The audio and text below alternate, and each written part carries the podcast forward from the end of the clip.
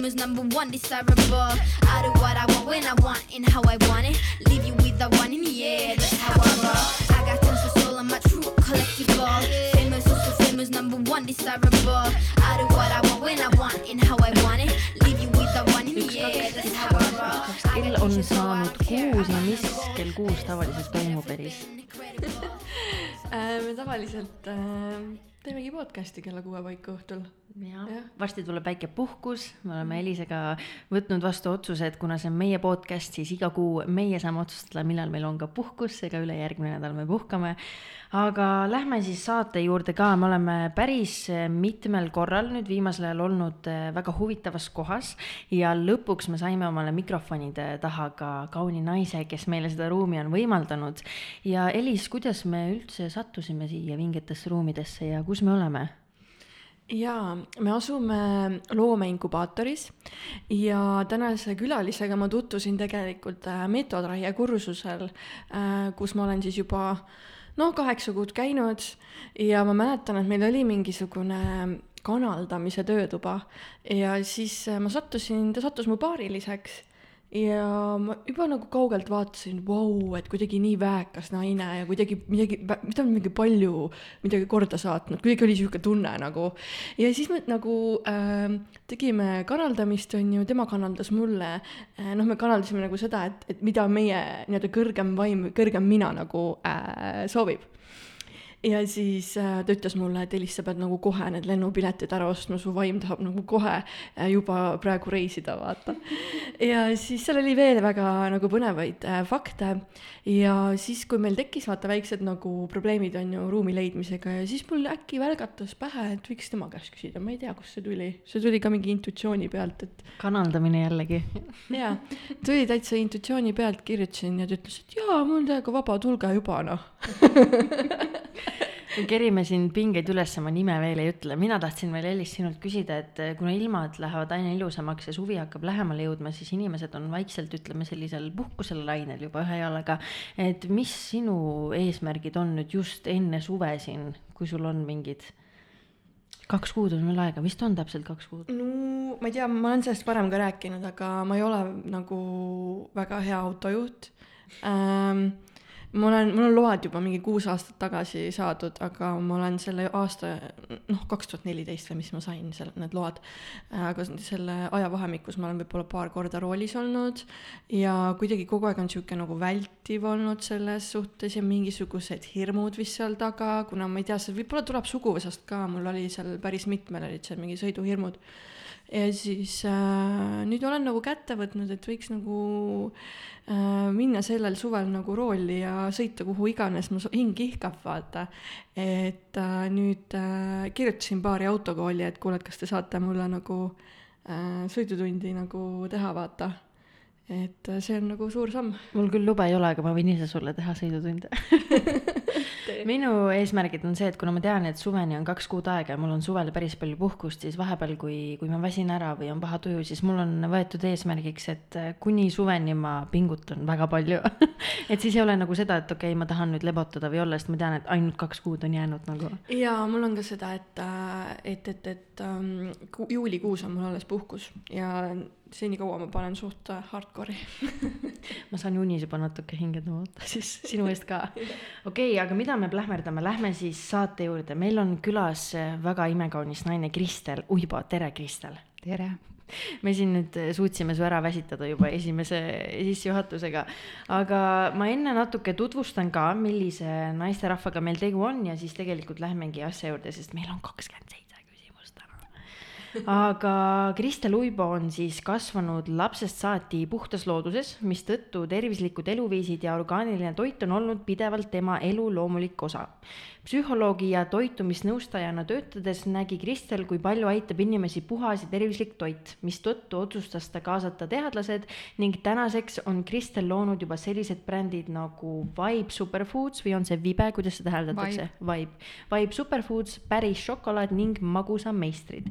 just selleks, et pakkuda selle alt eh, elumuutvaid ja tervislikke tooteid suurlinna kiire elutempoga inimestele kogu maailmas. kuidas see sissejuhatus oli, kas jäi midagi puudu ka?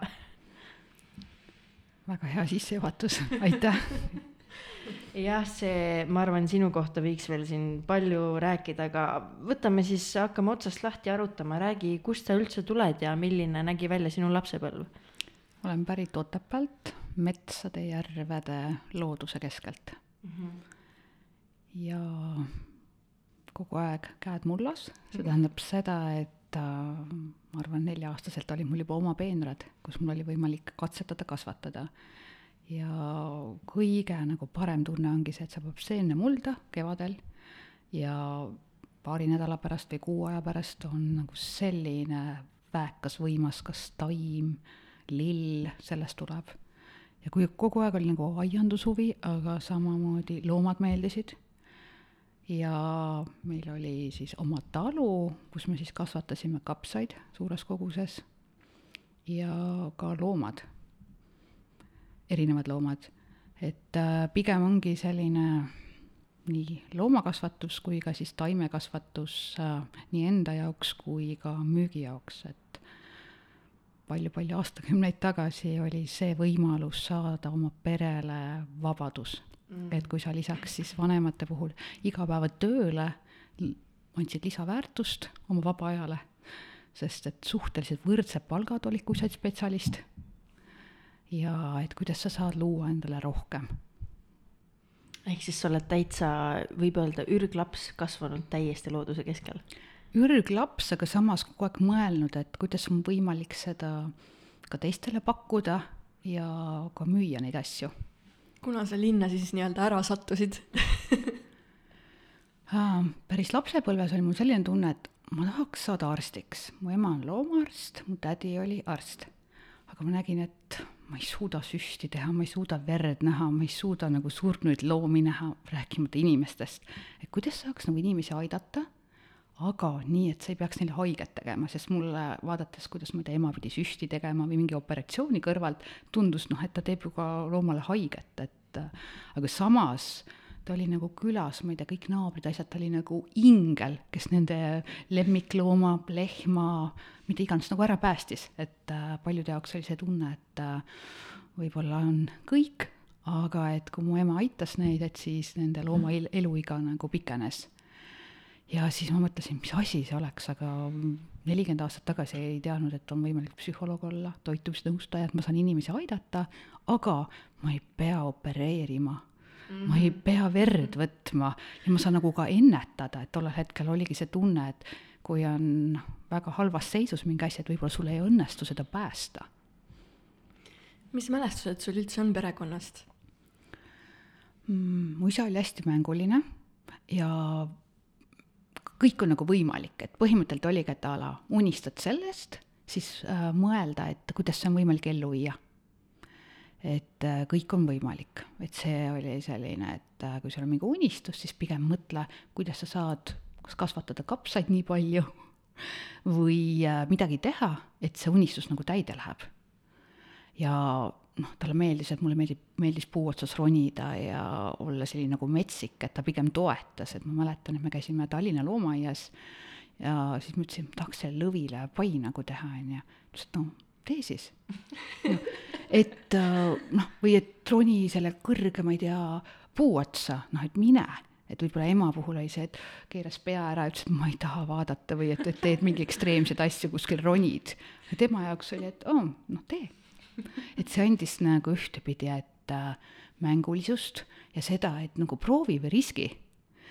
noh, ta vaatas, et on see, see turvaline, aga ema jaoks oli mingi, et oh, ma ei vaata pealt või et see võib olla ebaturvaline aga sellise looduse keskel ja ütleme, sellise hulljulge lapsepõlve juures, võib-olla sul tuleb meelde ka selline kõige vingem või meeldejäävam mälestus, mis sul siiamaani nagu kuklas on? Oi, mäl-, mälestusi on palju, aga sellel hetkel, kui sa nagu elad äh, Lõuna-Eestis ja sul on noh, Otepää linn, Tartu on kõrval, et ma mäletan, et kui ma neljandas klassis sain minna Klooga teise pionee-, pioneerilaagrisse see oli mu jaoks nagu välismaale saamine või mingi teine maailm. me elasime kuue tüdrukuga koos kämpingutes, iga päev olid mingid mängud, võistlused, kuidas ma sain, ma ei tea, viimase mehe jooksus võita, et ma sain nagu noh, särada. et tihti võib-olla oma koolis ja trennides olles sa olid nagu kogu aeg noh, teadsid, kus sa oled mis sul on tugevad alad, mis mitte, aga laager oli nagu tõesti, kõik on võõrad ja sa saad nagu särada ja mina mäletan ka, et mul laagrikogemused olid ühed parimad lapsepõlvest ja ma olen seda hästi palju kuulnud ka, et alati laagrikogemused algasid sellega, et ma hoidsin mingi ema jalast kinni ja ma ei lähe mitte kuskile ja pärast on teistpidi, et ei taha ära tulla, et see on äh, jah, kuidagi suureks kujundaja, kujundajaks olnud paljudel. ja meil oli siis äh, laagris vist teisel nädalal oli siis selline, et äh, viidi metsa, et on võimalik tööd teha, nagu lisaraha teenida. ja oli vaja siis äh, väikeseid kuuse istikuid nagu mm, huumrahust nagu puhastada. ja paljudele tundus, et issakene küll, kui raske töö või et nii palav on, juulikuu on väljas on mingi kakskümmend kaheksa kraadi ja peaks nagu rohima, siis mulle tundus, issakene küll, et umbes andke veel, andke veel.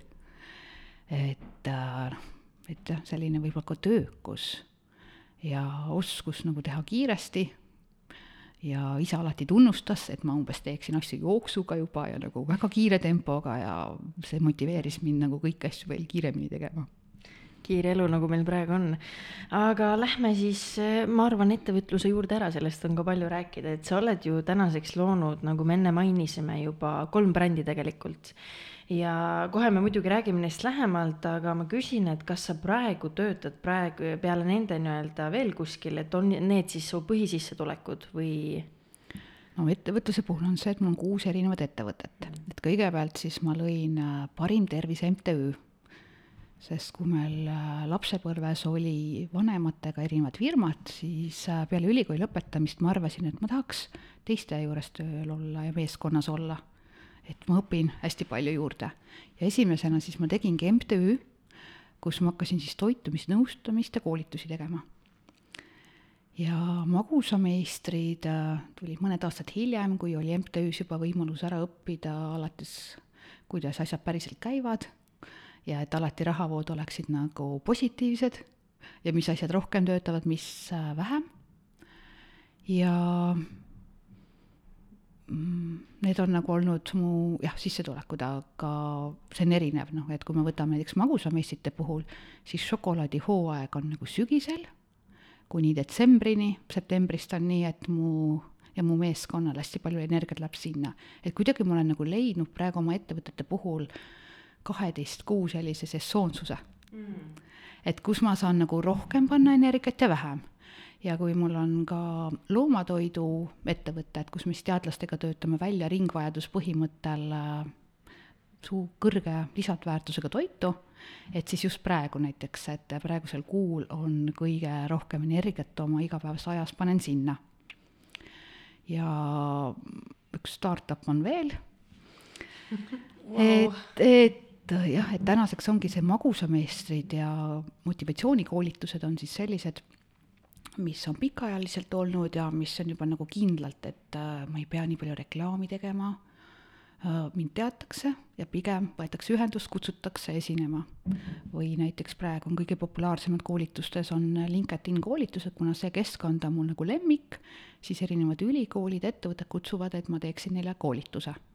ehk ma ei pea nagu seal turundust tegema, vaid et me lepimegi päeva kokku, ma teen hinnapakkumise ja ma lähen teen selle koolituse ära ja üldse teenust pakkuva ettevõtete puhul on see, et sul ei ole vaja põhivara, sul ei ole vaja nagu noh, sa oled nagu ise.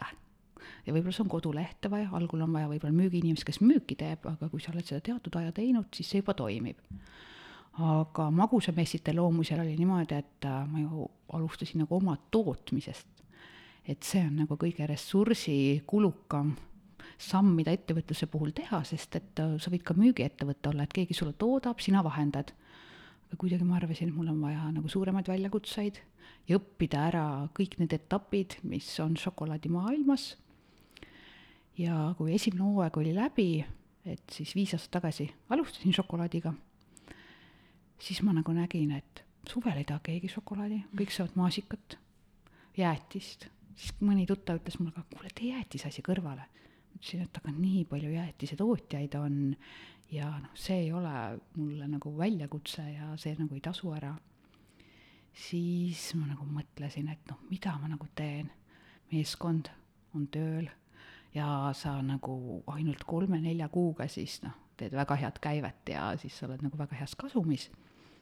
ja siis tuligi Vibe Superfood, käies välismessidel oli näha, et aga kui on kevad, suvi, siis tulevad marjad ja millest saab siis ära kuivatada pulbrit teha, neid võib ka saastariikselt müüa, aga et just meeskonnal läheb kõige rohkem aega suvel ja kevadel. ja nüüd ongi magusameistritel siis kaks brändi, šokolaadi osa on siis päris äh, šokolaadi osa ja Vibe Superfood ongi siis ekspordiks tehtavad siis smuutisegud, pulbrid, marjad. ja nüüd on tasakaalus ehk suveperioodil marjad ja siis, kui tuleb šokolaadihooaeg, siis on ja tootmises on täpselt see koormus olemas, inimestel on koormus. et selles suhtes olen jõudnud tasakaalu. sa jah mainisid, et sul on siis kõik ettevõtmised nii-öelda terve aasta peale ära jaotatud, aga räägi, kuidas sa oma aega planeerid, sul on kuus ettevõtet, sul on pere, sul on ilmselt eraelu, hobid, et räägi enda aja planeerimisest meile. Äh, kui veel ei olnud äh, Covidi ajastut, siis tavaliselt oligi nii, et ma võtsin mingi hetkel, võtame kas või, et kuni jõuludeni, noh, ma töötan väga palju ja siis lennukile peale, kui jõulupidu on peetud sugulaste ja vanematega, et siis oma tütrega läheme lendame kuskile. et äh, Puspalile või mida iganes ja siis sa võtad aja maha paariks-kolmeks nädalaks ja taastud.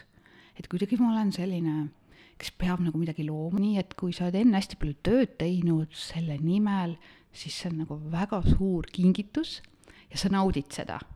et mulle ei tundu nagu seda, et aa miks ma pean nii palju tööd tegema enne jõule, et kuidagi see on nagu täiesti tasakaalus, siis kaks-kolm nädalat on võimalik reisida ja sa nagu lõõgastud, oled hoopis teises maailmas, tuled puhanuna tagasi ja noh, isegi mõnikord on tunne, et kas on aasta mööda läinud mm -hmm. või mhm. nagu ajataju kaob ära ja siis sa alustad uue energiaga ja täpselt need uued plaanid, kuidas liikuda, sest et praegune ajastu on selline, kus sa mõnikord mõtled üks nädal ette, et võib-olla esmaspäeval teed nädalaplaanid, ei tea, kui palju on äh, kohad suletud, et varem oli niimoodi, et ma mäletan, kui ma majandusteaduskonnas õppisin, see oli, et ah, tehke viieteist aastaku plaanid, tehke kümne aasta plaanid siis eraettevõttes, et okei okay,, ma võin aasta teada ette mingid plaanid teha, aga praegune ajastu on nädal, mõtle nädal nagu ette, tee kiired otsused, ole hästi paindlik ja kiiresti mõtle ümber. Mm.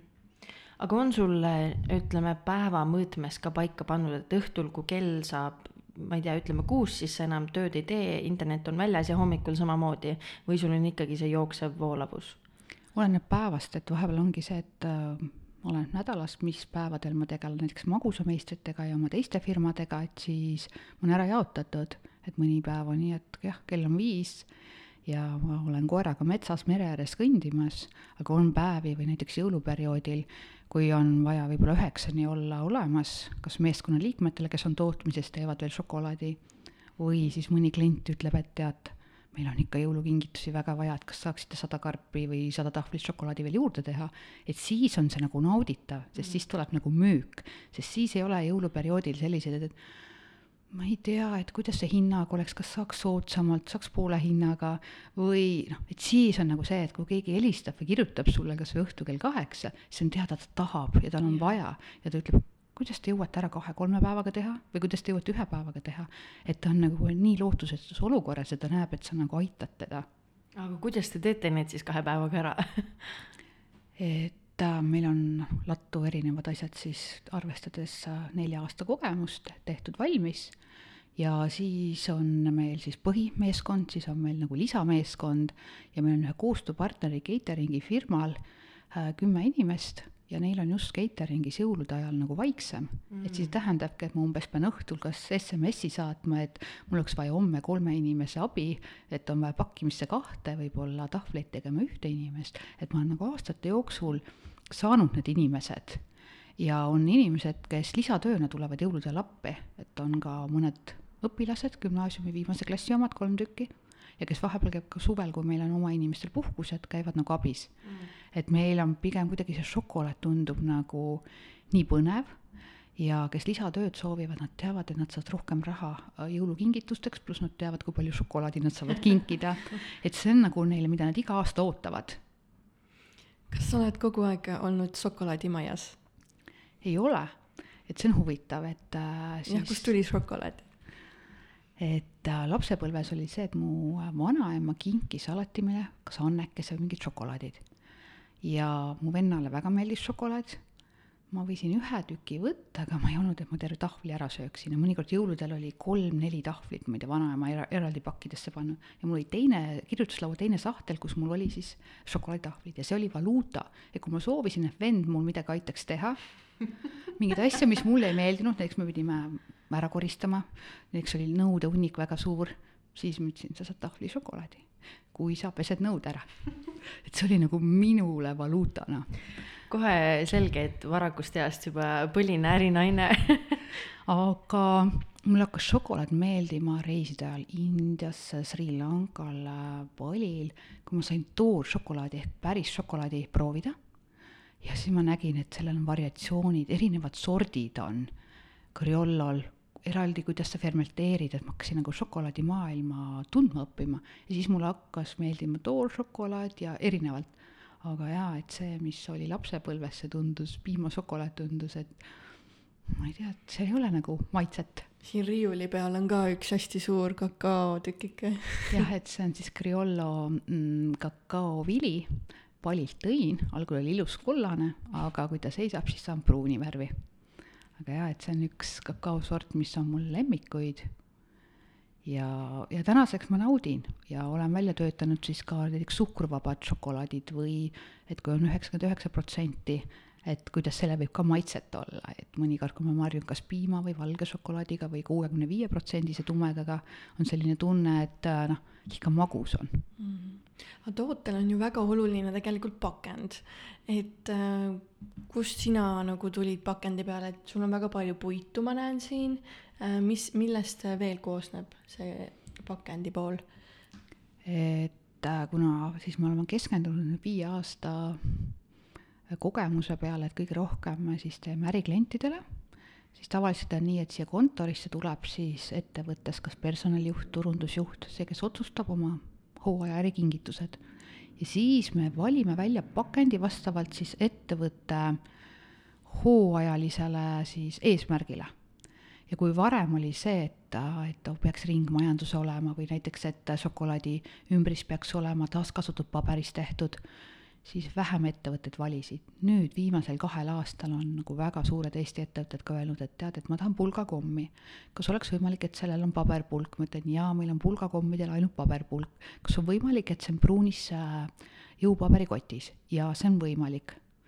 et äh, kui ettevõte soovib, et sellepärast meil ongi valik suur Uh, aga me istume koos maha, arutame, mis on nende nagu turundusosakonna või hooaja nagu strateegia mis on äh, nende soovitus, mõnikord on ettevõtte puhul nii, et meil peab karp must olema või peab olema kullaga logo peal või et meil peab see karp valge olema. aga hästi palju, et mis on selle vineerkarpide, et meil on siis ümmarguse vineerkarbid ja kandilised, on Eesti tootjad, kes siis teevad ükskõik mis suurust, et see on siis tellimuse peale, et siin on meil siis näidised olemas ja siis äh, Eesti tootjad kasepuust, kasevineerist teevad karbid, et kui keegi ütleb, ma ei tea, et ma tahan, see sajaeurone karp või väga suure, võivad nad toota ja meie saame siis äh, kommid sinna sisse teha, või kui nad ütlevad, ma ei tea, üks komm peab sinna mahtuma. et me hästi palju arvestame pakendiga ja vahepeal näiteks, kui mõne ettevõtte turundusjuht helistab ja ütleb, et me tahame, et igal kommil oleks logo peal. Logosid saab teha mm, läbi siis toiduprinteri tavaliselt valgele kommile, mis paistab välja, siis sellel hooajal me ütlesime, et teate, et kas ei võiks olla näiteks vireerist kas mingi järjehoidja või, või näiteks lumehelves, et kuidas saaks ka pärast kasutada, mitte et sul on ettevõtte, ma ei tea, logo peal ja sa sööd selle ära, üks valge komm. või näiteks hästi populaarsed on meil lastele pliiatsitopis, topsid, algul kas paneme marjad sisse äh, marmelaadi või siis kommid ja pärast saab pliiatsid sisse panna. et olete ikkagi mõelnud sellisele korduvkasutu-, kasutavusele ka? Ja naistele siis, et meigipintslid, kammid võib sisse panna ja mehed võivad kruvikeerad panna nendesse topsidesse, kus siin pliiatsitopsid on. ja seda ongi väga südantsoojendav näha, et ma ei näegi praktiliselt üldse mingit kilet või sellist plastikut või et jah, et kuidagi ma tunnen ka, et maailm on sinna suunas liikumas ja väga-väga tore on seda näha, et juba sellepärast telliks ühe suure karbi aga kui me juba siin päris šokolaadi teema juures oleme, siis võib-olla põgusalt lühidalt kirjelda meile seda protsessi, et kuidas see šokolaaditee sul nüüd just see päris päris šokolaaditee alguse sai, et millest, kust sa alustasid ja kust see idee tuli, et kirjelda meile natuke seda et siis äh, firma viis aastat tagasi tegin magusameistrit, et mul oli selline tunne, et kui ma enda tootmise teen, siis ma lihtsalt pean alustama. mitte et äh, küsida kellegi käest, et äh, kuidas seda teha. ja äh, lubasin kõigile ettevõtetele, et ma ei hakka oma brändidele kuhugi peale panema, et kui äh, teil on mingi advokaadibüroo, võite oma logo peale panna, et siis ma nägingi, et mul on konkurentsieelis, et äh, iga ettevõte saab oma karbile nagu personaliseerida karbi ära, et ei ole peal kuskil Kalev või mingi teine ettevõte, vaid et igale firma teen karbid. aga kui oli vaja minna Saksamaa välismessile ja neli aastat tagasi, kui esimest korda läksin sinna messile, mahe äh, toiduainetööstuse mess, siis oli niimoodi, et äh, mu kohal oli silt magusameistrid. Keegi ei osanud lugedagi Saksamaal seda, tuli jaapanlane boksi, mida iganes. ja siis oli näha, et nüüd ei saa enam, et Eestis ärikinke ma võin müüa lihtsalt, et on magusameistrid, inimesed teavad, ostavad ja paneme ettevõtte logod, aga kui me tahame eksporti teha, meil peab olema mingi oma bränd. ja siis oli näha, et ta peaks olema nagu ühtepidi rahvusvaheline, neli-viis tähte, aga teistpidi ta peaks olema nagu mingi natuke kiiksuga või mitmemõtteline sõna ja ühel hetkel siis istusime kolmekesi maha, tegime väikse äru, nagu ajurünnaku ja siis oli niimoodi, issand, päris, et me teeme ju päris šokolaadi. et me ei tee nagu šokolaadi või juustulaadset toodet, et meil on nagu päris šokolaad. ja siis hakkas kõlama ja sellest see tuligi.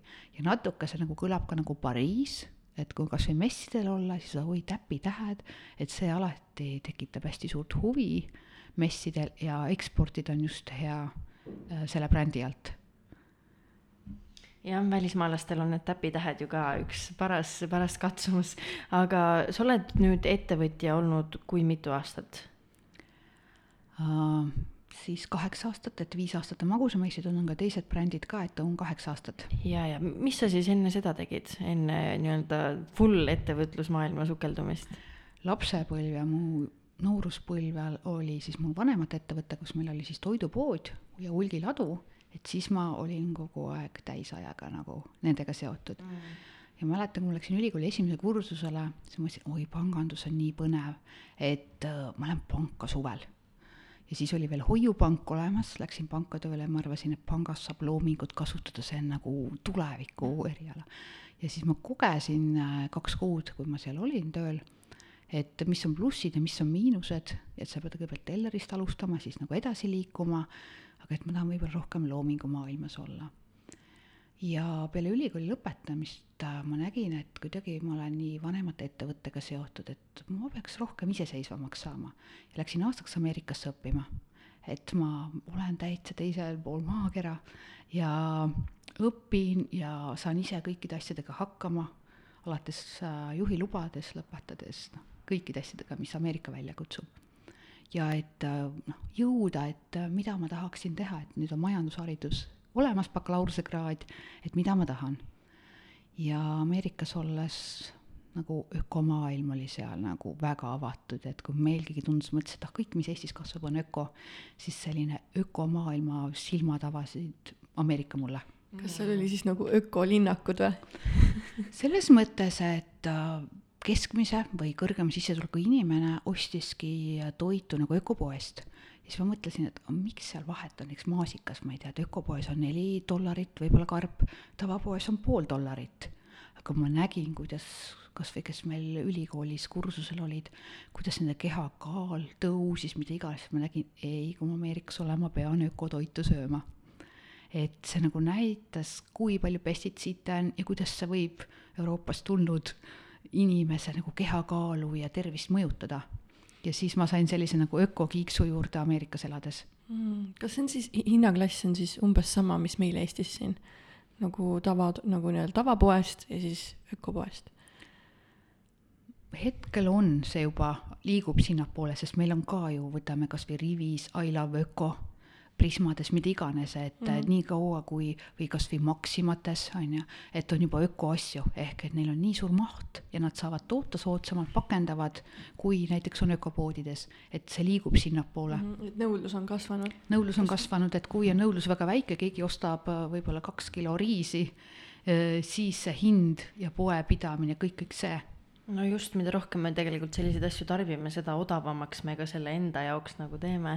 et minu jaoks väga üllatav, et sa said selle ökopisiku Ameerikast, sest tegelikult enamus inimeste jaoks tundub see ju täiesti vastupidi, et kui sa lähed Ameerikasse, siis sa saad sealt pigem sellise kui siis rämpstoidu pisiku külge, aga mitte midagi vastupidist, et see on äh, väga üllatav ausalt öeldes jaa, aga kuidagi ma lapsepõlvest olen näiteks endale mingid reeglid võtnud, et mida ma söön, mida ma ei söö, mis on mulle tervislik, mis ei ole, kuigi ei ole vanemad seda öelnud, lihtsalt ma olen ise mingisugused reeglid endale pannud ja siis Ameerikas nagu esimesena nagu vaatasid, et näiteks kas või eestlased, kes seal peal, piirkonnas olid juba paar aastat olnud, ütlesid, no näed, kakskümmend, kolmkümmend kilo on juurde tulnud, et ma söön tavatoitu, aga lihtsalt tuleb, et umbes ma söön ka kana, kalkunit on ju, loevad kõik asjad ette siis oli tunne, et hm, et seal peab nagu midagi olema tundub, et oled juba algusest saati väga distsiplineeritud olnud, et mida tegelikult ettevõtluses ju väga vaja läheb. ja samuti ju mainisid, et, et oled ka ju ettevõtluses põhimõtteliselt kohe ju sees olnud, pereettevõte, eks jaa, ole. et lapsepõlv oligi sees ja siis peale seda Ameerikat just oligi see eesmärk, et ma kogeksin ka midagi muud, sest muidu ma hakkan võib-olla mõtlema, nagu mu isa-ema mõtlevad.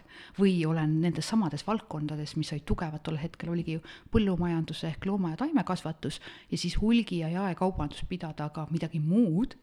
ja ma tulin Ameerikast tagasi ja mul tuli võimalus, mul oli nii palju mõtteid peas, ma sain sõbrannadega kokku, ütlesin, kuule, tead, peaks seda tegema, kuule, peaks seda brändi maale tooma, kuule, seal on Starbucks, sihuke kohvik asi, tead, kui palju seal on terviseasju, nagu sellised, et kus sa saad salateid osta, salatibaarid ja asjad, et tead, kui palju smuuti kohad. kõigile tundus see mitukümmend aastat tagasi, et ah, ma olen täiesti ära keeranud, et miks ma nagu nii mõtlen ja siis tuli võimalus, aga kuidagi oli sees tunne, et ma peaks ikka magistrikraadi Eestis ära tegema. et kui ma Tartu Ülikoolis tegin majanduse bakalaureusekraadi, nii kui ma Ameerikast tagasi tulin, oli tunne, et ma olen EBS-i, ma lähen rahvusvahelist majandust õppima, et ma pean ikka magistrikraadiga ära tegema. kuigi isa vaatas nagu, et kuule, sul on bakalaureusekraad Tartu Ülikooli majandusteaduskonna, miks sa pead veel õppima? ütlesin ei, et mul on tunne, et ma nagu pean, et Ameerikas oli ka näha, et doktori või magistrikraad on nagu see, kus sa jõuad, mitte et bakalaureusekraad ja see nagu kõik. et see kuidagi avas see aasta aega mul väga palju. ja siis ma läksin EBS-i õppima ja samal ajal oli võimalus äh, Tartu maanteelt tselluloosi spordiklubi nagu juhtima hakata. ehk seal olid ruumid, kus toimusid siis äh, lauatennis ja sulgpall ja oli võimalik siis sinna luua jõusaal ja aeroobika. ja see oli nagu väga nagu põnev väljakutse ja väga meeldis, et ma saan midagi täiesti ise luua, sest Ameerikas oli hästi populaarne, kus ma ise käisin, oli nagu kahekümne nelja tunni fitness, et nüüd on ka Eestisse sarnased tulnud, aga Ameerikas oli see nii, et ma ei tea, iga võib-olla kümne miili tagant oli võimalus sul minna ükskõik mis kellaajal äh, äh, kas siis äh, joogat teha või mingit grupitreeningut või jõusaali ja see oli kakskümmend neli tundi avatud. ja kuumaks sellel hetkel võib-olla oli sama palju, kui võib-olla restoranis see kalaroog maksis. et siis see tundus, et sa liitud ja sul on nagu võimalused.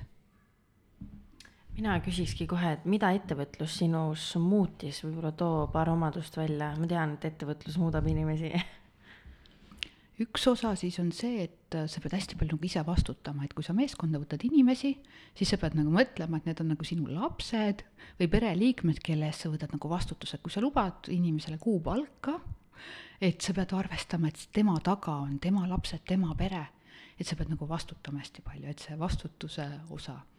aga samas ka võimaluste osa, et kui äh, koos selle meeskonnaga lood lisaväärtust, siis on neil võimalik ka võib-olla lastele parimat haridust pakkuda, ise ökotoitu hakata sööma, et tegelikult see muudab nagu nii palju. ja ettevõtlus on näidanud, et tegelikult sa üksinda ei jõua kuskile, et sul on väga kerge olla ja ma mäletan kunagi, kui ma motivatsioonikoolitustes tegin koolitusi, siis tundus, et üksinda on nii hea kerge teha. et äh, lepid kokku koolituse, lähed teed koolituse, kõik on ilus ma mäletan aastaid tagasi, kui ma Indias olin, siis ma nagu nägin, aga kui ma praegu reisin, kes siis teeb minu eest koolitusi, siis ei olnud Zoom'id ja praegu võimalused, mis on tulnud, et sa võid ka olla tõesti Indias või, või Brüsselis või mida iganes ja teha Eestis koolitusi. ja siis oli, ma tegin ühte meditatsiooni ja siis ma nagu nägin, et kõhus nagu soolepakterid, asjad, siis ma nägin, et ma pean midagi hakkama tegema, mis on seotud äh, äh, kuidagi kõhuga ja kuidagi tervisega, kuigi muidu ma ütlesin, et mina toiduainesektorisse ei lähe, sest see on kõige raskem. et ma ei hakka sellega ise tegelema. aga kuidagi, ja ma mäletan, kui ma Nepaalis reisil käisin, võtsin ühe sellise vihiku ja hakkasin sinna kõik oma äriideid pla-, panema, et päevas umbes kümme, kakskümmend mõtlesin nagu välja. ja siis kuidagi oli see, et šokolaad järjest kiskus et nii oma parima tervises kui motivatsioonikoolituses tegin erikoolitusi, aga tooršokolaadi kommide koolitus oli kõige populaarsem ja kuidagi oli näha, et nagu šokolaad tõmbab. kuigi ma otsustasin ju, et ma ei hakka toiduainega tegelema, et see peaks olema mingi koolitused või mingisugune hoopis midagi muud ja siis ma mäletan, et kuna mu vennal on siis IT-ettevõte, siis ma, kui ma Nepaali reisil olin, siis ma mõtlesin ka, et peaks midagi nagu IT-alast välja mõtlema, noh et see on nagu tulevik, aga ei tule kuidagi, kui sa ei ole ise selle aas-, selle mm. valdkonna. ja siis hakkasid tõesti reisidelt tulema need kakaosordid, kuidagi kogu aeg hakkas nagu kakao poole liikuma. ja siis ma Eestis ka oma kümnelt tuttavalt küsisin, et mis sa sööd või teed, kui sa nagu kurb oled, šokolaadi.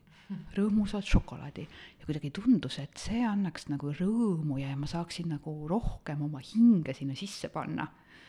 ja noh, oli ka ju tervise mõte, et toidulisandid ja need superfood'id, aga šokolaad oli see, et kohe oli võimalik müüa, et sa ei pidanud inimestele ütlema, mis asi see on, kuna sa seda pead võtma, kes võib seda võtta mm.. kas see bränd Vibe äh on sul äkki mõne kliendi lugu ka jagada, kus on, sa rääkisid soolestikust just praegu enne, et kas see kuidagi on parandanud inimesel soolestikku ka või kõhuprobleeme? jaa, et äh, kindlasti üks lähenemine ja võib-olla kõige kergem on see, et sa lisad oma siis toitumisse smuutid. ühtepidi võid teha smuutikuuridena, et ma ei tea, ühe päeva nädalas, näiteks kui kevad on, rohelisi smuutisid ja kui muidu näiteks on kas sellised vetikad nagu krol- äh,, spiruliina äh,, tihti rohelised pulbrid. just täna panin smuuti sisse siis paljudele see maitse ei meeldi. ja siis äh, ma mõtlesin nagu välja, et mis segu võiks olla, kus ka maitse oleks okei okay. ja ühtepidi, et sa kas võtadki ananassi banaani baasiks, mitte lihtsalt ei sega seda veega sest muidu tundub see nagu kõige hullem ravim, mida ei taha võtta või köha, ma ei tea, rohi, mis ei ole nagu laste köhasiirup siis ma mäletan, et jah, nõges kaselehed, mis ma esimese segu sisse panin, siis oli, et ah, ma panen piparmünti, sest et samamoodi šokolaadimaailmas on, kui tahad näiteks kas või steeviaga šokolaad, mis ei ole võib-olla nii hea, kui piparmündilehed sisse paned, siis on teada, kõigile piparmündi fännidele meeldib. ja siis samamoodi selle segu tegin niimoodi, et oleks piparmündi maitses ja rohelisel segul, sest et noh, rohelise segu ongi, et ta puhastab sind ja ta ongi nagu toidukorra eest, et siis jah, kaalu alandamine on selline, mis, kui keegi soovib, ma ei tea, mõned kilod, võib-olla mõni kakskümmend kilo, et sa hakkad smuutisid lisama, aga algusel sööd oma võib-olla tavatoitu, et samm-sammult. Et mõnikord on see, et noh, ajakirjanduses on mingi dieet, kaks-kolm päeva teed, korraks saad võib-olla vee arvelt kaalu maha, aga sul tuleb see nagu tagasi kas sama või natuke rohkem et äh, minu põhimõtted on need, et ma õpetan, et see jääks elustiiliks alates äh, lastest peale. kas või lasteaialastele, et äh, teeme koolitusi ja vaatame, mis smuuti maitsetele meeldivad või mis marjad meeldivad, et kohe varsti on marjahooaeg, näiteks maasikad, vaarikad, ja siis sinna paned natukene rohelise segu või sisse ma ütleks ka, et smuutidel on äh, midagi maagilist, sest et äh, kui ma tegin ka lihtsa otsuse, võib-olla isegi mitte iga hommik, aga lihtsalt hommikuti hakata tegema mul just värsketest asjadest ise smuutit, siis äh, nii palju asju muutub nii lühikese ajaga juba, noh, me rääkisime siin kaalust, aga sinu enda enesetunne, et mul oli ka hästi suur probleem oli see, et ma sõin hommikuti hommikusöögi ära, mis peaks sulle andma energiat, aga ma olin peale hommikusööki sihuke, et tahaks nagu voodisse tagasi minna, aga tegelikult see on vale efekt, mis sul ju toiduga tekib aga mina tahtsin küsida, me oleme tegelikult seda teemat Elisega varem podcast'is käsitlenud ka, aga ma tahaks sinu arvamust teada, et kas naistel on siis ettevõtlusmaailmas raskem läbi lüüa või on see hoopis just kergem tänu nii-öelda sellele naiselikule intuitsioonile, et mis sina arvad? ma arvan, et kõigepealt on vaja nagu teha otsus, et äh, kas ma julgen riskida oma vaba ajaga ja selle vastutuse koormaga, mis sellega juurde tuleb. ja kui on nagu väga hea idee ja on nagu suur tahe olemas, siis on võimalik ka läbi lüüa sama hästi kui mehed või pareminigi. aga lihtsalt on enne vaja nagu hirmudest vabaneda ja mõeldagi, et äh, ma saan midagi luua või vähemalt proovida.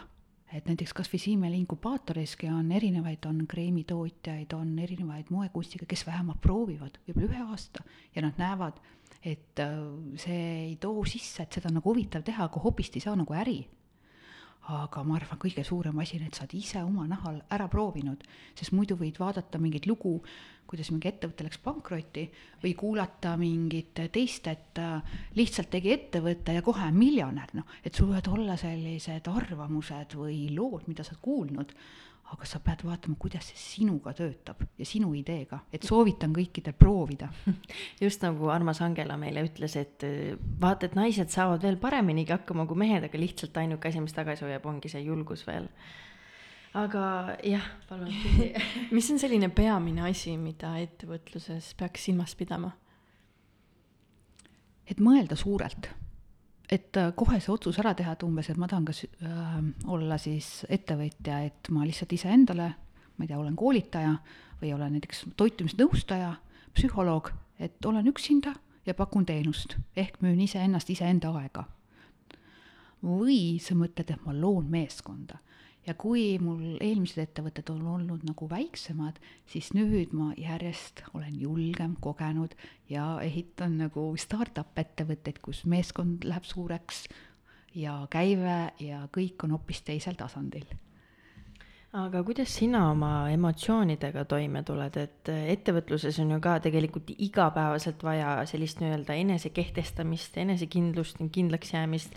et kuidas sa väldid näiteks selliseid emotsioone nagu süütunne või, või selline jah, enda vastutuse või enda süüdistamine jah, mis tihtipeale naistel ligi kip-, ligi kipuvad hiilima, mitte ju nüüd just ainult süüdistamine, aga siuksed äh, tavalised tunded, mis meil ikka vahepeal tulevad igapäevaselt, et kuidas sina nendega tegeled? No kõik, kuhu ma olen jõudnud, ongi see, et äh, oli võimalik siis psühholoogiat õppida ja nii Tartu Ülikoolis kliinilist psühholoogiat, tegin nii bakalaureuse kui magistratuuri, kui ka erinevaid siis alates kognitiivkäitumisteraapiast, lõpetades transpersonaalsete ja erinevate koolkondadega. ehk kakskümmend aastat äh, iseendaga tööd. ja siis sa oled tasakaalus ja julged otsuseid teha aga just iseenda tundmaõppimine, samamoodi teiste inimeste tundmaõppimine, peegeldamine, et äh, vaatad, mõistad ühtepidi, aga teistpidi sa tead, et mis on see sinu eesmärk pluss see suur ettevõtte pilt, sest igaüks ju tuleb öelda, kas ei saaks sada eurot palka juurde, et kuule, tahaks telefoni osta, autot tahaks osta, et kuidas sa nagu teed koostööd. ja ma arvan, et see on see, et iseendaga töö kas ma saan siis õigesti aru, et sul on kaks bakalaureust ja kaks magistrit või sul on veel rohkem midagi? jah, et need on siis nii psühholoogia kui äh, siis majandus.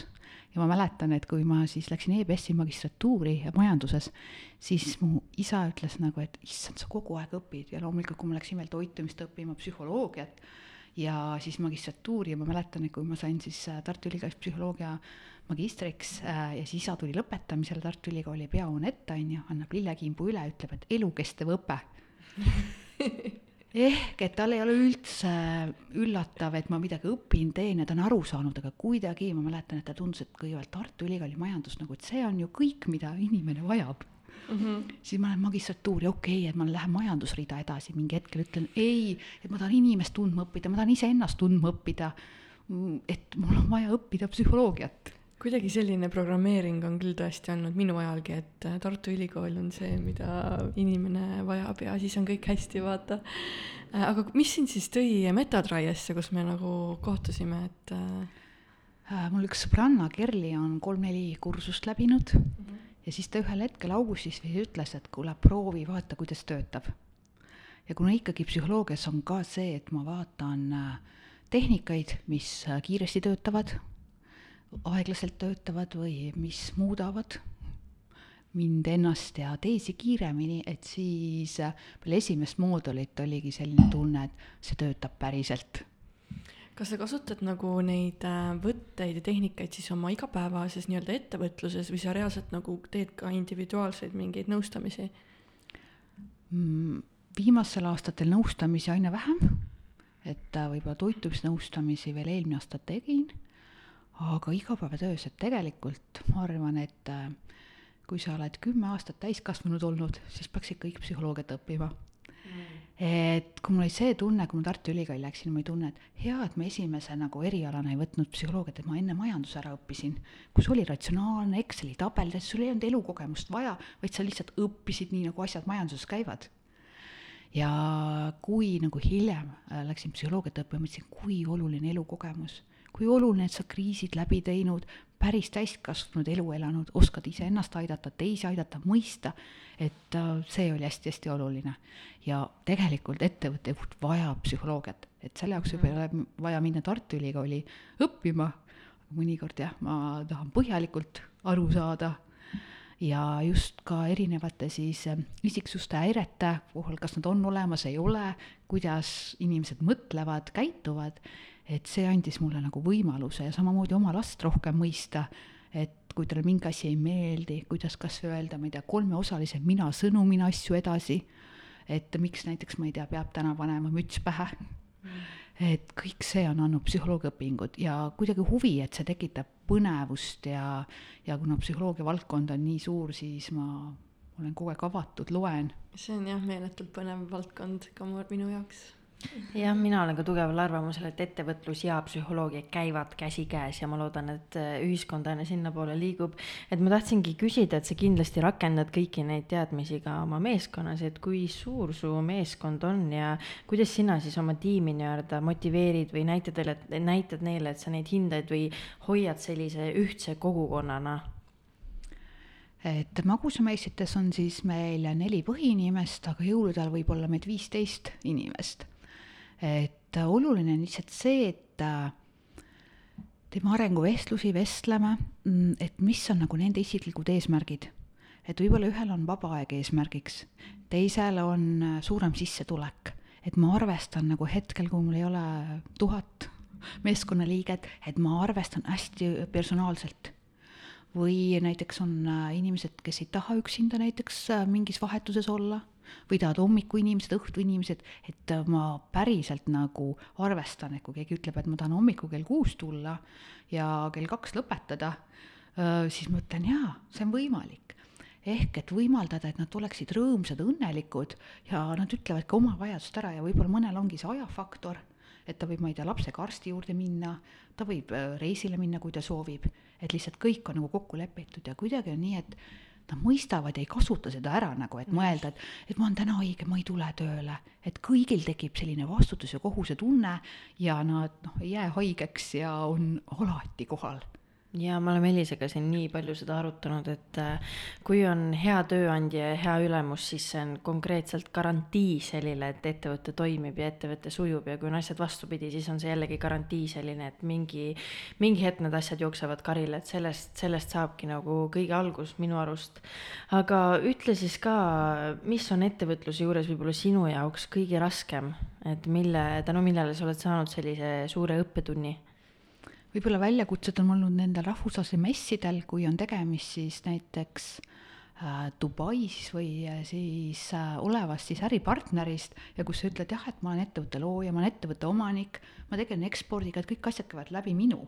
et siis on see kultuuriline erinevus, sa oled naine, et Eestis ma ütlesin, äris seda ei juhtu, mitte üheski kohas aga jah, Araabia turgudel ja ühel hetkel siis, mis õppetund oligi, et äh, Saksa messil äh, saime kokkuleppele siis Araabia turul oleva agendiga ja ta ütles jah, et äh, ma võtan su toodete näidised ja kui ma tagasi lähen, siis äh, palun ära mulle kirjuta, helista, ma ise otsustan. ja siis kuu aja pärast tema assistent siis äh, ütles, et äh, palun saada veel ühed näidised, et nad ise organiseerivad orgaanikasertifikaadid, kõik, mis seal turul vaja on, saadavad laboritesse ja võib-olla kuu aega hiljem helistab ta mulle, ütleb, et kuule, ma olen Tallinnas, saame kokku. ja siis oli niimoodi, et kuule, äri peab niimoodi ajama, noh, et tundus, et tema oleks nagu mu ettevõtte üle võtnud, oleks nagu juhtima hakanud. Ja siis ma mäletan, et äh, mul oli üks tuttav nagu ühes üldse IT-ettevõttes on ju, ma ütlesin, et kuule, koosolekule, et tule sa mu meeskonda nagu kaasa, et oleks tugevat meest, on ju. et no meil on ainult naised, et kuidas saaks nagu temaga läbirääkimisi pidada ja jah, ja samalt messilt siis oli ka üks taanlane, kes tahtis, et ma teeks kolmekümne grammiseid vist, sada tuhat šokolaadi kolmekümne grammiseid väikeseid. ja ma tegin proovipartii ära, sest ma ei osanud kohe nagu hinda pakkuda. ja siis ta proovis mulle nagu pähe astuda, ma ütlesin, et tead, et kui me käsitööna toodame seda, et meil tuleb see hind umbes selline, siis ta ütles, et kuule, ma saan Hispaaniast umbes sellise madala hinnaga selle. siis ma ütlesin, palju õnne, et sa oled leidnud nagu sellise partneri, kes teeb ökotoorainest käsitsi sellised tingimustel, mida sina soovid. ja siis ta ka nagu helistas ja tahtis kogu aeg nagu kohale tulla ja öelda, et sa nagu pead mulle müüma. Aga nende kahega sain nagu õppetunnid, esiteks on mehe, mehed tahavad äh, pähe astuda kui lähed rahvusvahelisele messile, siis ütled kohe, et me toode on kallis, see on nagu luksuslik, see on käsitöö, see on orgaanik, et me ei võistle hinnas, et hinnas on hoopis nagu teised. Et äh, esimesel aastal ma nagu no, avatud, mõtlesin, issand, keegi on huvitatud mu šokolaadist, kuidagi nagu noh, kõigiga suhtlesin ja et ja ei julgenud kohe hinnakirja võib-olla anda, sest et need olid eritellimused, mida nad soovisid. Ma tahtsin teada, kas mu tootmine jõuab teha, me arvutasime, kui palju tunnis suudavad ära teha kümne tunni jooksul, et ma nagu tegin kalkulatsioonid. Ja siis, kui nad tulid oma hindadega, siis ma ütlesin, et ei, vabandust, ja noh, nüüd ma kohe nagu ütlen, et me oleme nagu kallid jällegi see enesekehtestamine. enesekehtestamine, nagu õppimine, et alguses tahad müüa kõikidele, et oo, taanlane tahab, araabia ettevõte tahab, aga tegelikult on hinnaralli ühtepidi ja teistpidi, et kes saab nagu soodsamalt, et nemad olid vahendajad ju tegelikult. aga kust tavainimene või ütleme jah, inimene, kes ei ole ettevõttega seotud, saaks siis üldse päris šokolaadi tellida või neid proovida või endale osta? et ongi siis päris.ee koduleht ja magusamessi.ee, et siis me olemegi teinud äh, kaks kodulehte et äh, see Magusameisi tee on e-pood, kus on üheksa toodet, võimalik kohe ostukorvi panna, ära osta. Mm. päris e tegime rohkem nagu äriklientidele, et sul oleks võimalik öelda, et ma tahaks punast pakendit või ma tahaks sada tükki, mis siis oleks hind, ehk on nagu päringukorv ja algusel ma arvasin küll, et meie kodulehe arendajatel ütlesin, et ei tea, kas see töötab. Ja nüüd ma näen, et see täiesti töötab, sest et siis see sekretär ütlebki, et ma tahaks punast paela, puidust karpi ja tahaks, et kõik oleks näiteks tumeda kohvimaitselised. Mm.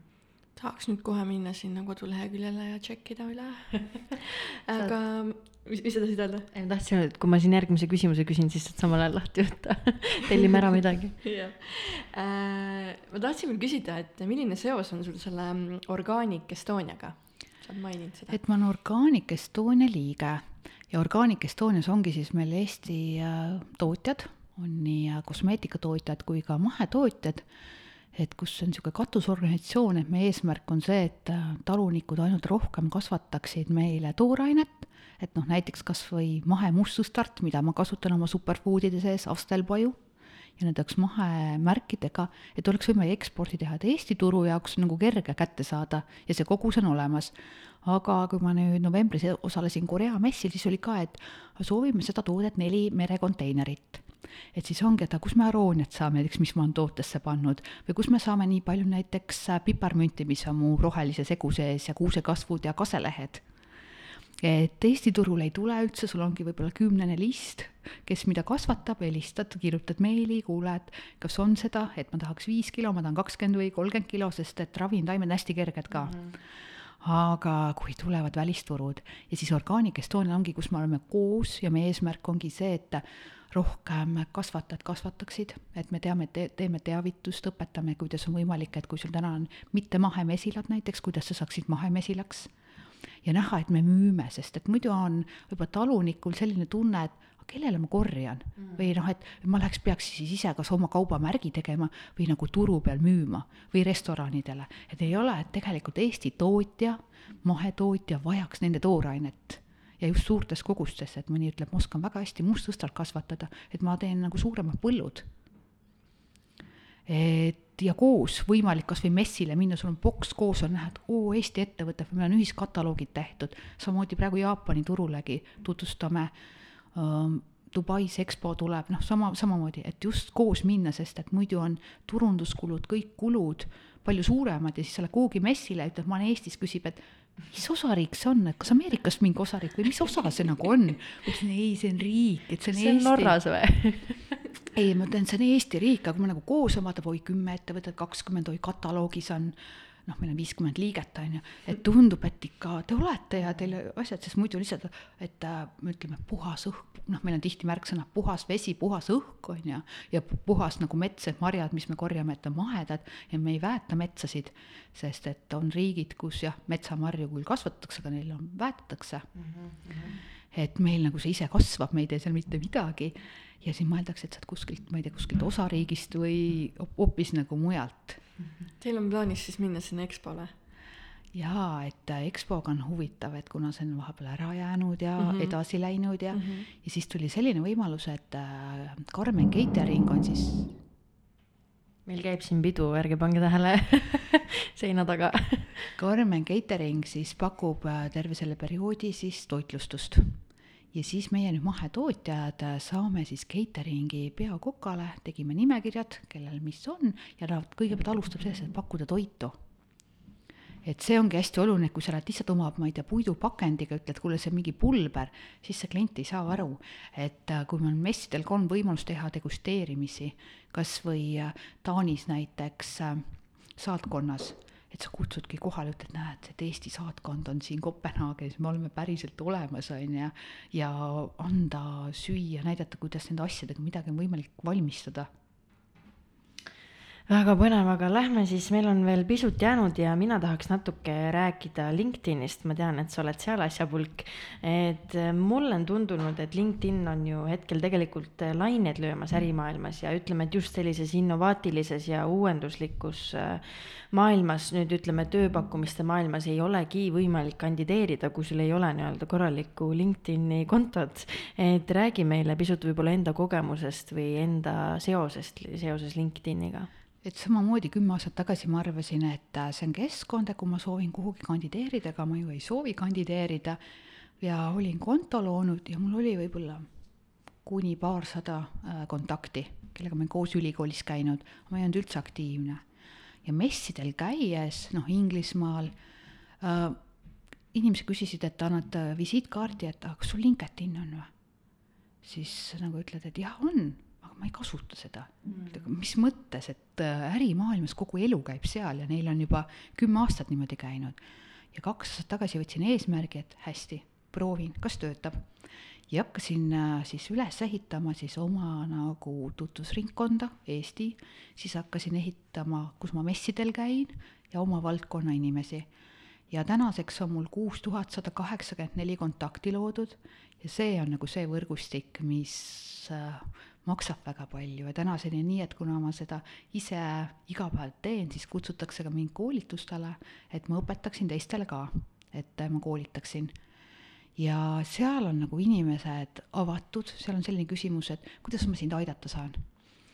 ja kui mujal on pigem nii, et ah, sa oled konkurent või, või sa ei tea üldse, et selles valdkonnas on keegi olemas ja eriti Eestist väljaspool, siis seal on nagu kõik võimalik ja ma olen nagu nii palju koostööpartnereid saanud, ma olen nii palju nagu oma tutvusringkonda kasvatanud ja see on nagu ime, et ma mäletan kaks aastat tagasi, kui oli Malmös äh, Põhjamaade ökomess ja ma läksin messile, noh, ma enda arvates jah, šokolaadifirmasid nagu tean ja siis seal on nagu messikaardid nagu kaelas ja siis oli see, et äh, üks siis šokolaadifirma omanik ütleb, et aa, ma tean sind LinkedInist et muidu tundus, et sa oled väikesest kohast ja pigem seaded rohkem inimesi.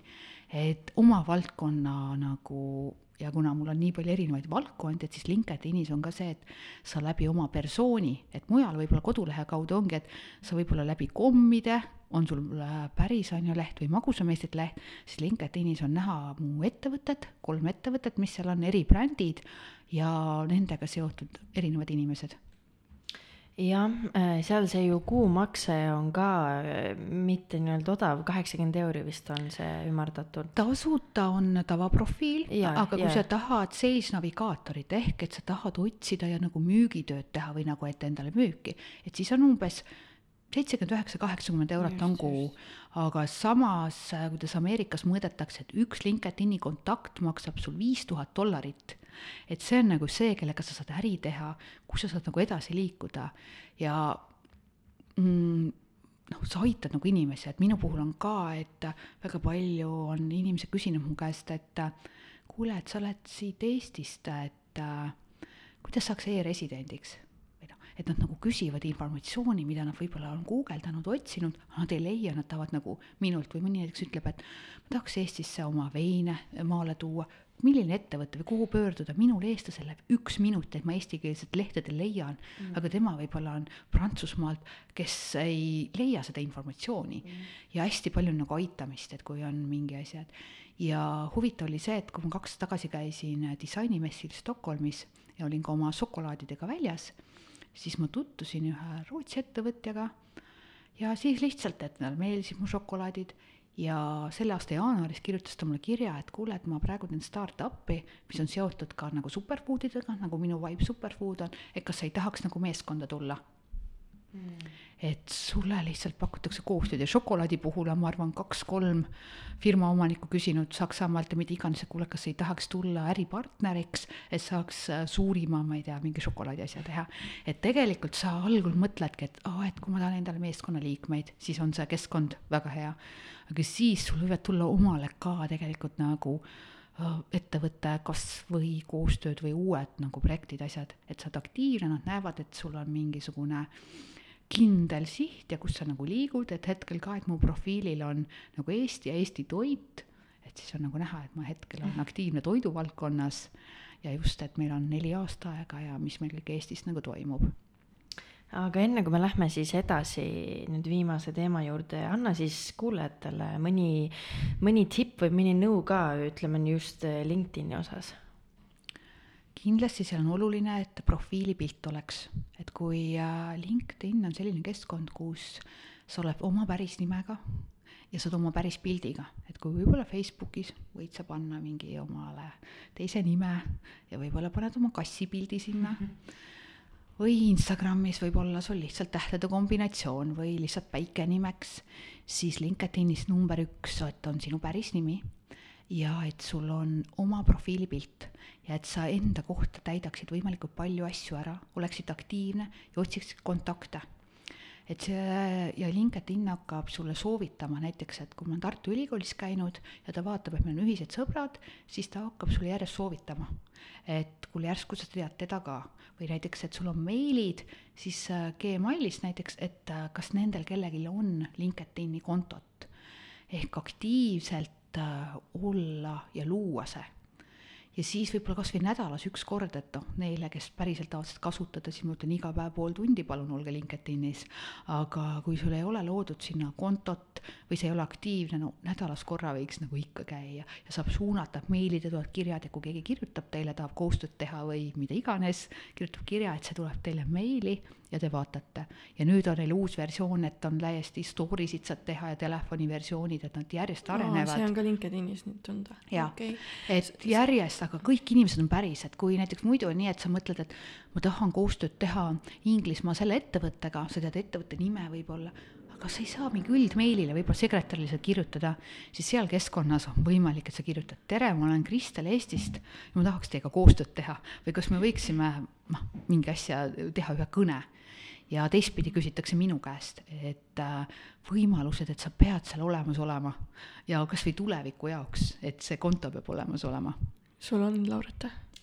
Mul on, mille ma tegin äh, miljard aastat tagasi ja ma samamoodi ei kasuta seda, aga ma nüüd olen aru saanud, et on aeg see, on aeg see tee nagu ette võtta, muidu ma jään ka aja hambasse. Jah, ma tegin ka mõned aastad tagasi, aga praegu olen äh, ka see, kes aktiivselt äh, väga ei, ei kasuta, et et ta on mul vahepeal täitsa meelest ära läinud. on aeg siis end kokku võtta aga lähme siis edasi, meil on äh, mõned küsimused veel jäänud. Ähm, ma, natuke puudutab see ettevõtlust, ma küsiks veel ära, et ähm, mm, ütleme, väga paljud asjad elus on seotud rahaga, et millised on sinu rahateadmised ja võib-olla anna meile niisugust kolm põhisoovi, soovitust või nõuannet ka rahaga seoses. siis läheme sellest maailmast edasi no hästi nagu lähenemine oma toote või teenuse puhul on see, et kui sa oled ettevõtja ja näiteks sa pakud äh, toodet, siis sa pead mõtlema, et kas ma suudan selle toota, et võtame, toode on kümme eurot, kas ma suudan selle toota näiteks äh, viie euroga. ehk et sa pead tagu, tagurpidi arvutama, et millega on klient nõus seda toodet ostma. et muidu sa teed toote ära, näiteks ma ei tea, šokolaad on kümme eurot enda hind tootmisel ja siis mõtled, et kuule, viieteist, kahekümnega keegi seda ei ostaks. aga pigem sa mõtled, et mis on see toote nagu lõpphind ja sa arvutad tagasi. Siis kindlasti on oluline see, et mulle meeldib see lähenemine, et Eestis on ka ilmunud raamat, et kasum esimesena, et sa hakkad endale panema mingi teatud protsendi nagu endale kasumit koguma, sest muidu juhtub ettevõtluses see asi, et sul on kogu aeg midagi vaja, sul tulevad mõtted näiteks kas või šokolaadimaailmas on nii, et okei okay,, mul oleks vaja ühte äh, melansööri või mul oleks vaja näiteks mingisugust segajat või, sest see maailm on nii tohutu ja siis seal tulevad kõik need masinad, mis võiksid natuke aidata, kas sul šokolaadi teha natukene siidjamaks või mida iganes, ja siis sa mõtled, et sul tekib teatud summa nagu kasumit ja et ma selle kohe investeerin ära. aga kui sa kogu aeg investeerid, siis ongi see, et sul ei jää nagu endale hapnikku et sa mõnikord nagu kui Eesti ettevõtjate puhul ongi see, et mitte startup'ide, aga mm. lihtsalt äh, võib-olla toiduainetööstuse puhul, et sa mõtled enda peale kõige viimasena, et sa mõtledki algusele, et oluline on see, et meeskonnaliikmed saaksid ära, maksud oleks makstud, kõik kulud oleks makstud ja siis, kui sul kasum tekib, siis sa selle kohe nagu mõtled investeerida, et jaa, et tead, et või mess tuleb, kuhugi peaks nagu minema. ehk et sa teatud protsenti pead kogu aeg koguma iseenda jaoks ja ettevõtte jaoks, et see on oluline. Ja samamoodi, et sa hakkad investeerima seda summat, võib-olla, ma ei tea, mõne hektari maad Eestimaal või metsa, et sa hakkad nagu mingid ühtepidi nagu omale pensionisambaid koguma, ükskõik mis riigis on, ükskõik mis rahaga toimub, aga lihtsalt on tihti see või vähemalt, mis on minu puhul, on see, et sa mõtled enne teistele kõigile. ja siis sa mõtled, kuule hästi läheb või mul on baasvajadused nagu täidetud et siis sa nagu ühtepidi nagu ei arene edasi ja ühel hetkel, kui sa tahad teise ärisse minna, siis ei aita see, et sul on kolm külmkappi väga suurt juures ja mingi näiteks šokolaadi tempereerimise suured lauapinnad. just, aga mis need võib-olla põhirahaga seotud soovitused oleksid just meie kuulajatele, kes ka praegu kuulavad seda saadet? et mõelda suurelt ja alati arvutada nagu noh, mõni ütleb, et Exceli tabelis, et arvutada, et sul päriselt seda brutokasumit sinna, seal oleks. sest muidu noh, eriti siin loomeinkubaatoris olevad kunstnikud, nad äh, teevad toote ära ja nad tegelikult müüvad praktiliselt oma hinnaga või mõtlevad, et nende toodet ostetakse siis, kui sa teed allahindlust. tegelikult noh, luksustootel ei saaks olla, et kuule, täna on poole hinnaga või täna on miinus üheksakümmend.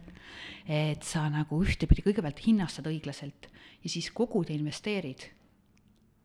ja võib-olla hoopis teisse maa, teistesse valdkondadesse, et minul endal on jah, et äh, just, et äh, põllumaa ja metsamaa, mida Eestis nagu saaks mahedana hoida mm. -hmm. me oleme ka saanud Lauretiga maitsta neid äh, väga ekstravagantseid ja huvitavaid šokolaade, et väga-väga ägedad näevad välja igatahes. sul oli vegan versioone ka, on ju? jaa mm. -hmm et äh, muidugi veganite osa võib-olla Eestis ei ole nii suur või kui näiteks jõulukinki soovitakse, aga see, mis on Saksamaal, Inglismaal, siis see on nagu väga suur ma loodan, et see on Eestis ka varsti suurem. iga aastaga on rohkem, et äh, me saame iga aastaga rohkem teha. ja ma mäletan, kui viis aastat tagasi alustasime, et meil on alati kaheksa maitset oma assortiis ja meil oli valgeid äh, kaks-kolm, siis oli piima kaks-kolm ja võib-olla tumedat kaks, siis nüüd meie assortiides ehk seal kaheksas maitses on nii, et ühtegi valget ei ole, võib-olla kaks-kolm on piima, ülejäänud on tumedad, ehk me oleme oma klientidele õpetanud tumeda šokolaadi söömist mm., selle nautimist ja et ei pea olema valge šokolaad. ja nagu hea, et me tootmises ka, et valget šokolaadi ei pea kasutama enam. Yeah.. Mm, okei. okay mm,? ma mõtlen seda, et see, mis sa kõik nagu teed, et kas sul jääb üldse nagu vaba aega ja kui jääb, siis kuidas sa seda veedad ja end lõõgastad? ma naudin äh, metsas ja mere ääres liikumist, et äh, ma elan äh, metsa kõrval mere ääres. ehk äh, linnulaul ja jalutamine, et see on, teine osa on reisimine, et kui reisimine lubatud, siis erinevaid kultuure erinevaid kohti avastada, et mul on üks sõbranna, kellele meeldib, noh, käime vahepeal koos reisil ja siis tema ütleb, et ta tahab ükskord ühes kohas käia, et kui me oleme näiteks ka ära käinud äh, võib-olla Vietnamis koos, et tema rohkem Vietnamisse ei tule, siis minu puhul on just see, et ma võin kas või kümme korda uuesti tulla, et ma olen avatud ja reisimine ja loodus. Ja, ja sellised maatööd ka, näiteks, et homme ma liigun ka Otepääle, et kevad on käes, saab palju käed mulda panna ja maatööd teha. ja see annab nagu mu energiat tagasi, et ma näen tulemust ja seal ma lõõgastun sa oled ühenduses maaga väga aktiivselt. aga ma olen aru saanud ja, et reisimist sa armastad. jaga meile, mis on su lemmikkoht seni olnud ja kuhu sa läheksid alati iga hetk tagasi? Bali on üks lemmikutest, on ka Indias ja Nepaalis ja Sri Lankal leidnud lemmikkohti. Ja kui ma rohkem olin seotud psühholoogiaga ja psühholoogitööd tegin, siis mulle meeldis Ameerikas käia Washington DC-s, iga aasta oli psühhoteraapiate konverents. Ja noh, et kui on vaja suurlinna minna, et Euroopas võib-olla Pariis ja siis juba New York ja San Francisco, aga kui tahad nagu lõõgastada ja kuidagi mediteerida ja ennast tasakaalu leida ja näha, milliseid ajurveeda lähenemisi on, et siis jah, Bali, Sri Lanka, jah, need on sellised. oi, ei jõua ära oodata, millal jälle lennuki peale saab aga meil on tegelikult jäänud äh, viimane küsimus, meil on saade juba päris pikalt kestnud ka, et sa oled maininud seost koerte ja hobustega, räägi meile sellest ka lähemalt siin viimasena. et äh, siis me perel on kolm Eesti hobust, et siis me naudime, ma ei tea, sellist Eesti vana tõugu, kes meie kliimas äh, tuleb väga hästi toime, kes on terve, rõõmus, õnnelik ja kes saab nagu vabalt äh, looduses olla. et siis on nagu Eesti hobused ja oma Vitavöödi ettevõtte all siis me teadlastega proovimegi leida parimat toitu siis neile hobustele, kes ei ole kogu aeg vabas looduses. Et kui nad on tallis kuskil, et kuidas nad saaksid neid äh, samu mitmekesist nagu heina äh, süüa, et mis toit neid aitaks ja koerad on mu elus kogu aeg olnud, et lapsepõlves olid meil saksa lambakoerad, siis mulle tundus, et suur koer tähendab koer, et kõik väikesed on midagi imelikku. aga kui ma Tallinnas elan ja olen väga hõivatud, siis mul on väike puudel, keda saad igale poole kaasa võtta, karva ei aja, ehk ta on nagu nähtamatu, et suure koera puhul on niimoodi, et kui ta ikka sul tuppa tuleb, et siis on need käpajäljed ja ta on nagu isiksus. Me saime siit nüüd saate pealkirja, et suur koer on koel ja väike koer on midagi imelikku, see tuleb meil kaanepildiks nüüd. Aga me vist olemegi lõpuni jõudnud, võib-olla sul on endal veel viimasena midagi kuulajatele öelda või mingi nõuanne jagada või mis noodiga sa meie saate lõpetad? Et äh, kui on unistus, esiteks unistada suurelt ja siis see nagu täide viia või vähemalt proovida. et ma arvan, et kõige olulisem on see, et kui sa midagi mõtled, proovi ära kas see toimib või mitte siis sa saad enda kogemuse, et sa ei saa, et küsid sõbranna käest, et kuule, kas tasub sinna reisile minna või kas tasub mul ettevõttele see nimi panna, et tee ära, proovi ära. ja kui ei lähe hästi, siis sa tead, et see asi ei töötanud, mida ma peaksin muutma, et teha midagi teistmoodi. et just see julgus proovida ja kui läheb valesti, ütled, et vabandust või et sain õppetunni mm. -hmm teeme ära kaks tuhat kakskümmend üks by Kristel Uibo. aga Elis, mis sul veel siia lõppu lisada on? ja mina väga tänan, et sa täna siia tulid meiega istuma ja oma tegemisi jagama ja muidugi suur aitäh, et sa lased ja lubad meid, meile seda ruumi siin kasutada meie podcast'i salvestamise jaoks.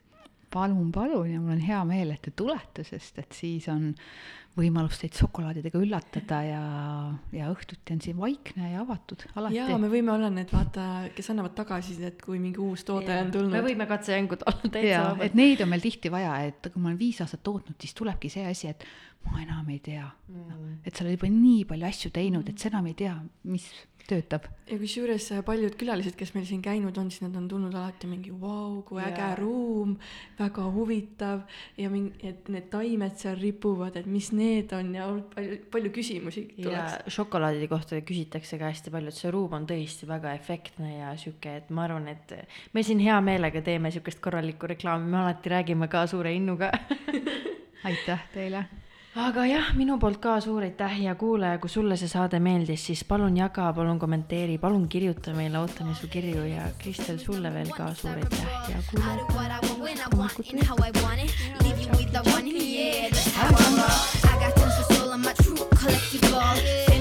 Famous number one desirable. I do what I want when I want and how I want it. Leave you with the one in the air. That's how I roll. I got change and throw. I don't care about. credit.